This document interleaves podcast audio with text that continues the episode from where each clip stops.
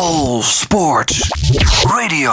Het is tijd om af te gaan kicken van het eh, ABN AMRO Open. Na een heerlijke week tennisgeweld in eh, Ahoy, Rotterdam... eh, is eh, de favoriet Yannick Sinner er met de titel vandoor gegaan. En we gaan terugblikken op dit toernooi. En dat doen we met John Visbeen. John, goedemiddag. Goedemiddag. Ja, eh, het is wel even afkikken geblazen, want eh, jou hebben we daar ook rond zien lopen. Hoe heb jij het beleefd afgelopen week? Ja, het is, eh, ik heb er natuurlijk al, al eens wat vaker rondgelopen, maar het was een, eh, een fantastisch mooie, mooie aflevering. De 51ste alweer van dit toernooi. En waarbij toch opvalt dat de Nederlandse inbreng gestaag groeit hè, de laatste jaren. En Ja. dit jaar ook weer met uh, Griekspoor die weer de halve finales haalt. Net als vorig jaar.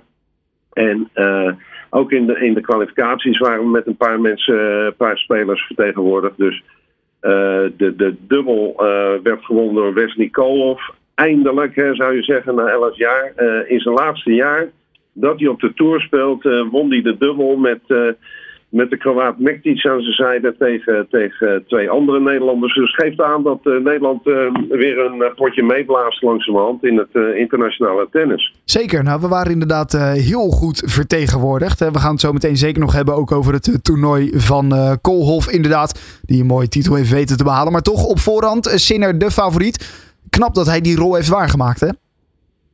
Ja, er staat eigenlijk geen maat op. De laatste twee, drie maanden eh, speelt die jongen de sterren van de hemel. En eh, je gunt hem ook nog. Het is een hele aardige, aardige sympathieke vent. En, en eh, hij is nog ongeslagen. Hij won de Australian Open natuurlijk. Zijn eerste Grand Slam titel. Nou, dan hoor je echt bij de grote. Hij won nu voor de Minor, de, de Australiër. die een heel goed toernooi draaide. Onder andere Rublev versloeg. Ehm, ja, eh, onderling eh, had uh, Sinner al zes keer van hem gewonnen. En dit werd de zevende keer hoe, hoe die ook tegenspartelde, die Australiër, Ja. eh, in die eindstrijd. Maar eh, hij, eh, ja, hij kwam toch bovendrijven als, als winnaar. En dat, dat is ook voor Krajicek, de toernooidirecteur, een prachtige naam op het, eh, op het affiche, denk ik, van dit toernooi. Nou zeker, en eh, die naam die wordt dan altijd toegevoegd aan, eh, nou ja, aan die erenlijst. Die, die rand die dan zo op Ahoy wordt gevestigd. Eh, mooi om inderdaad ook eh, die naam Sinner daar eh, op te hebben. Komen we zo meteen nog wel eventjes op. Want Sinner die versloeg in de allereerste ronde de Nederlander Botik van de Zandschulp. Ja, dat was wel zonde voor zijn enkeltoernooi. Hè. Hij had daar misschien wel meer van verwacht. Maar loten opnieuw in de eerste ronde. Nadat hij dat ook in de Australian Open had. Weer Sinner. Ja, dat zei Botik van de Zandschulp na afloop van die nederlaag zelf ook. Hij zegt, ja, er zijn nog 30 eh, spelers in dat schema. En je loodt liever een van die andere 30. Ja. Hè, dan, dat je, dan dat je Sinner loodt. Maar ja, dat, eh, hij zegt ook, ja, dat is, dat, dat is pech. Dat kan gebeuren. En eh, eh, zowel hij in de eerste ronde als, als Griekspoor ehm, in de halve finale was eigenlijk kansloos te- tegen, tegen deze ontketende Italiaan. Die dat Italiaanse tennis natuurlijk ook terug op de kaart heeft gezet. Hè. Vorig jaar won hij natuurlijk met zijn land de Davis Cup. Nou, dat eh, is ook eh, een eeuwigheid geleden dat dat een keer is gebeurd. Dus eh, ja, Italië staat er heel goed voor. Ja, hij heeft wel, en dan heb ik het over Botik van de Zandschulp, heeft wel nog wat zelfvertrouwen op kunnen doen door in dat dubbeltoernooi heel goed te spelen. Je zei het al, finale gehaald met Robin Hazen. Dat is dan wel een, een opsteker voor Botik. Ja, zeker. want dat was een is eigenlijk een gele- gelegenheidscombinatie. Hè? Die spelen niet zo vaak samen. Eh, dus als je dan de finale haalt en je eh, verslaat de nummer twee eh, dubbel, onder andere.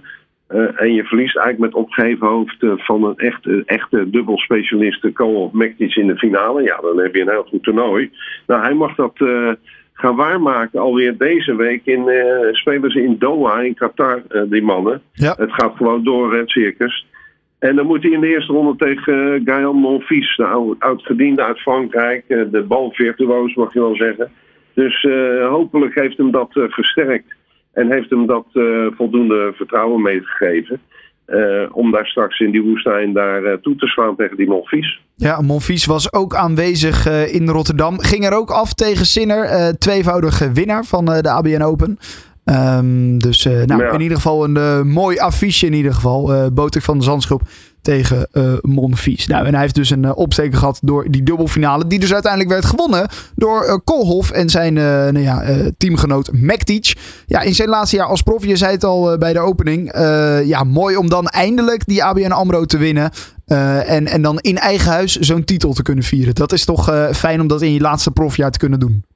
Ja, dat is natuurlijk geweldig. Ik bedoel, hij, hij, eh, hij speelde zijn eerste ATP-wedstrijd in Rotterdam. En eh, eh, het is hem nooit gelukt. Hij heeft wel eens een keer in de finale gestaan. Dat wel. Maar het is hem nooit gelukt om het, om het te winnen. En als dat dan in je, afscheids, op je afscheidstour wel lukt, ja, dan is dat natuurlijk geweldig. Ja, zeker. Nou, eh, dat eh, was inderdaad mooi voor hem. Er was, er was ook een nou ja, bepaald eh, filmpje nog gemaakt voor zijn, voor zijn nou ja, tussen aanhalingstekens afscheid. Want hij speelt nog dus een jaar. Maar dat, dat deed hem ook echt veel. Hè? Veel Nederlanders die nou ja, over hem vertelden. Sinner die iets moois had ingesproken. Dat deed hem echt veel, die video. Ja, hij is normaal de nuchterheid zelf. Hè. Wesley, net als zijn vader. Hè. Zijn vader was een beroemde international, voetbal international jury, Koolhof. Eh, hij, hij is de nuchterheid zelf, maar nu kwam zijn vrouw, werd er ook bij betrokken. Ook een oud prof, Julia Gurgers. Eh, ja, en, eh, en toen werd hij, hij zei ook, het had niet veel langer moeten duren of de tranen waren over mijn wangen gebiggeld. Want ja, hij was toch wel enigszins aangedaan. En dat is natuurlijk, ja, dat is ook wel logisch als je voor eigen publiek dan eindelijk toch toeslaat. Ja, nou, mooi inderdaad. Eh, mooi dat hij dat in zijn laatste jaar kon doen. Dan eh, gaan we even naar het uh, rolstoeltennis nog kijken. Eh, vooral naar de vrouwen natuurlijk, waar we eh, goed vertegenwoordigd zijn eh, met Nederland. Met Diede de Grote, die in de finale stond tegen Jiske Griffioen. Dat deed ze op zaterdag. Nou, die won die. Diede de Grote, daar hadden we haar zelf al over gesproken. Maar uiteindelijk bleek ze ook gewoon de rolstoel dubbelfinale te winnen. En toen samen met eh, Jiske. Eh, dat was een eh, volledig Nederlands eh, onderrondje. Dat is toch ook, ja, we hadden het net over hoe goed Nederland vertegenwoordigd is in het mannentennis, maar ook in het uh, vrouwenrolstoeltennis. Ja, dat klopt.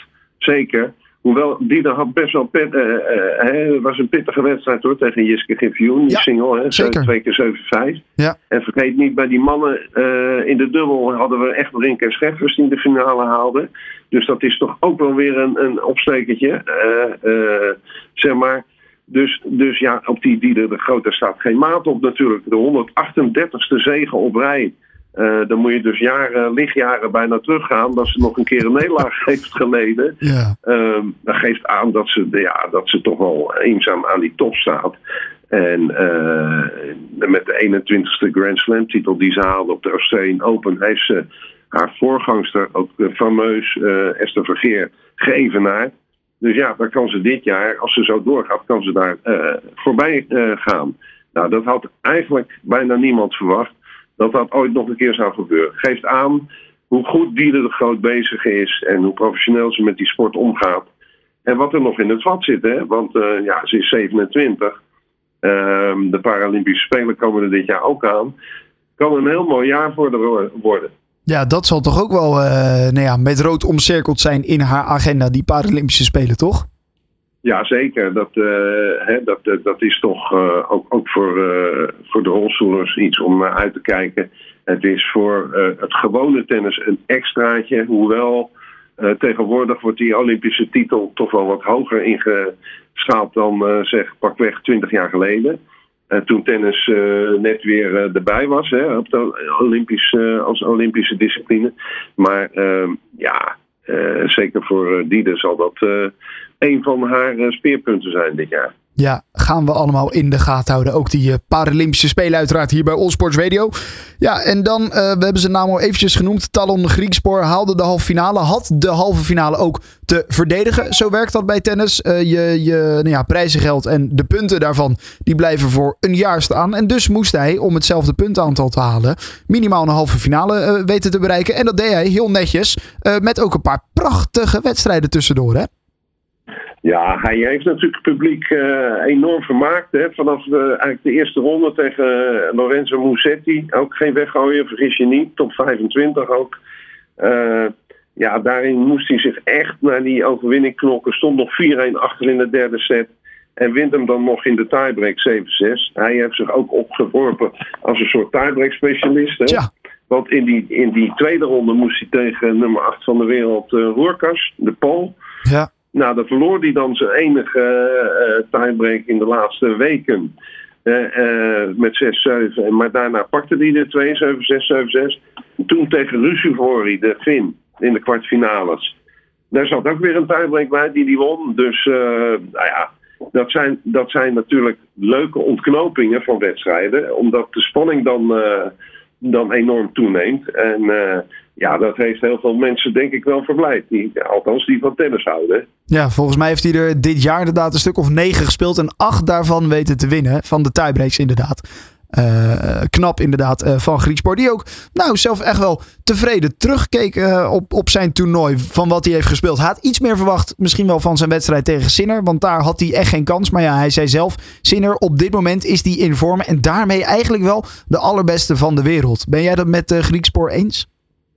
Ja, momenteel wel. Ik bedoel, hij heeft drie van de laatste vier wedstrijden tegen Djokovic. nummer één van de wereld gewonnen. Uh, dus sowieso ja, is hij de man in vorm. Hij, hij won de, de Davis Cup, stond in de finale van de ATP Finals eind vorig jaar. Hij wint de Australian Open, is nog ongeslagen. Ja, de man is nu op dit moment gewoon de beste die er rondloopt. Ja. En dan is het geen schande om daarvan te verliezen. Alhoewel ik Kingspoor eigenlijk zijn minste wedstrijd tegen, juist tegen Sinner, vond spelen. Uh, maar goed, dat, dat heeft ook met je tegenstander te maken. Ja, er zaten best wat persoonlijke fouten in. Zeker in de eerste set. Had je het idee dat Griekspoor misschien iets te graag wilde of zichzelf te veel druk had opgelegd? Ja, dat, dat, dat, dat komt er vanzelf bij. Hè. Je moet natuurlijk op het, ja, op het scherpst van de snede spelen. Je, moet, je, moet, je krijgt eigenlijk geen moment rust om, om een, een punt op te bouwen. En alles moet raak zijn. En die druk, ja, die leg je jezelf niet op, maar dat komt ook door je tegenstander. Dat tempo is zo hoog dat je moet er staan, je moet er goed voor staan en die bal uh, eigenlijk nog weer scherper terugspelen. En, en daarin, daarmee, daarin was Sender zeker in de eerste set beter. Ja. Hij, uh, hij verzuimde alleen in die tweede set uh, tellen om zich, om zich te belonen. Want ja, hij, hij forceerde wel wat breekpunten. Alleen die werden dan weggeserveerd, weet je, of, of goed weggespeeld door Sinner. Dus hij kan zichzelf weinig verwijten. Ja, de service, dat was iets wat in de finale ook opviel. Uh, Sinner, als het inderdaad moest, dan kon hij zo twee, drie aces achter elkaar slaan. En uh, dan, dan was hij weer uh, nou ja, in de game. Of dan had hij de game misschien zelfs wel gewonnen. er stond geen maat op Sinner. Wat trouwens een prachtige finale was. Je zei het al, Sinner tegen de Minor. het was een geweldige finale. Ze speelden elkaar alle kanten op in, in, in het veld. En het, was een, het, was, het was een feest eigenlijk. Ja, ja, het was een hele mooie afsluiting van een hele mooie week, denk ik. Waarin ook het toeschouwerrecord is verbroken. Hè? Dat ja. toeschouwerrecord dat was van 2018 toen uh, Roger Federer weer nummer 1 van de wereld werd. En, en daar zijn ze nou overheen gegaan, want er zijn bijna 127.000 toeschouwers geweest in een week tijd. Dat geeft aan hoe populair dit evenement is en hoe groot het ook is. Zeker. Uh, Sinner nu de nummer 3 van de wereld geworden. Uh, stond op plekje 4 voordat hij naar uh, Rotterdam ging. En nu de nummer 3. Steeds dichter bij die bovenste plek die hij zo graag wil. Ja, en dat, dat klopt. hij, hij, moet, hij moet nog wel even verder hoor. Maar hij speelt komende week niet in Doha. Nee. Um, het is zo dat Carlos Alcaraz nummer 2 is. Daar komt hij wel in de buurt.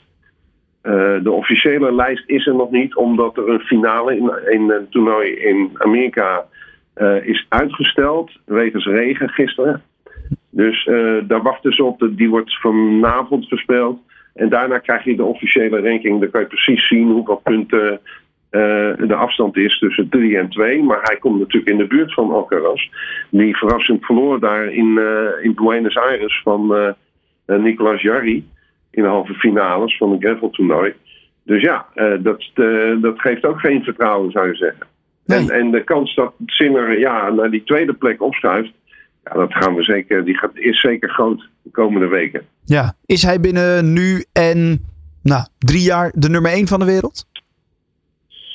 Boe, dat is moeilijk te zeggen. Er zijn is een aantal uh, zeg maar, kandidaten daarvoor. Uh, en en, en uh, vlak Djokovic niet uit, hè? die speelt nu even een tijdje niet. Ehm, maar goed, die, die, kan zo weer, die kan zo weer een heel hoog niveau laten zien. Alleen Djokovic heeft wel veel te verdedigen. Hè? Roland Garros won die, Wimbledon won die, dat moet hij allemaal verdedigen. En op het moment dat hij minder presteert op een van die toernooien, ja, dan gaan er natuurlijk een slootpunten af. Ja. En dan krijg je in, dat er ineens een nieuwe nummer 1 kan komen. als, als Sinner daar goed presteert in, in Parijs, ik noem maar wat. Ja, dan kan hij zomaar uh, nummer 1 positie in gaan nemen. Want die verschillen zijn niet meer zo groot met Djokovic.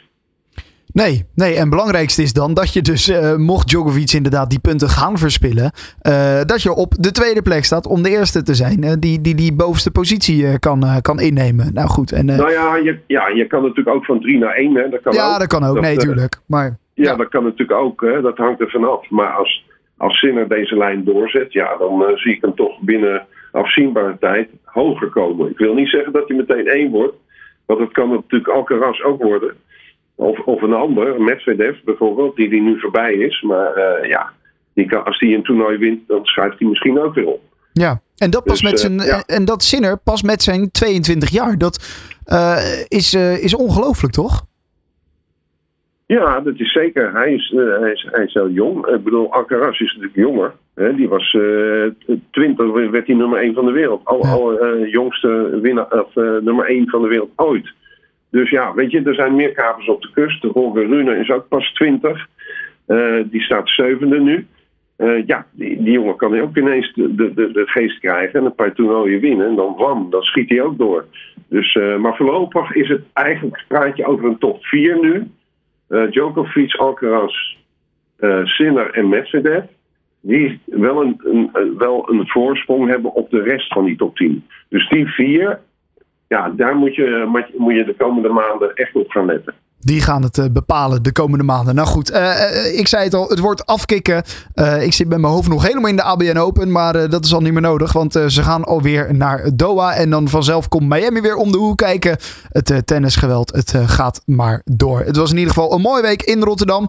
John Visbeen, dankjewel in ieder geval. En ja, we gaan nog even nagenieten. Jij ook hè? Ja hoor, graag gedaan hè. Oké okay, dan, dankjewel John Visbeen. All Sports Radio.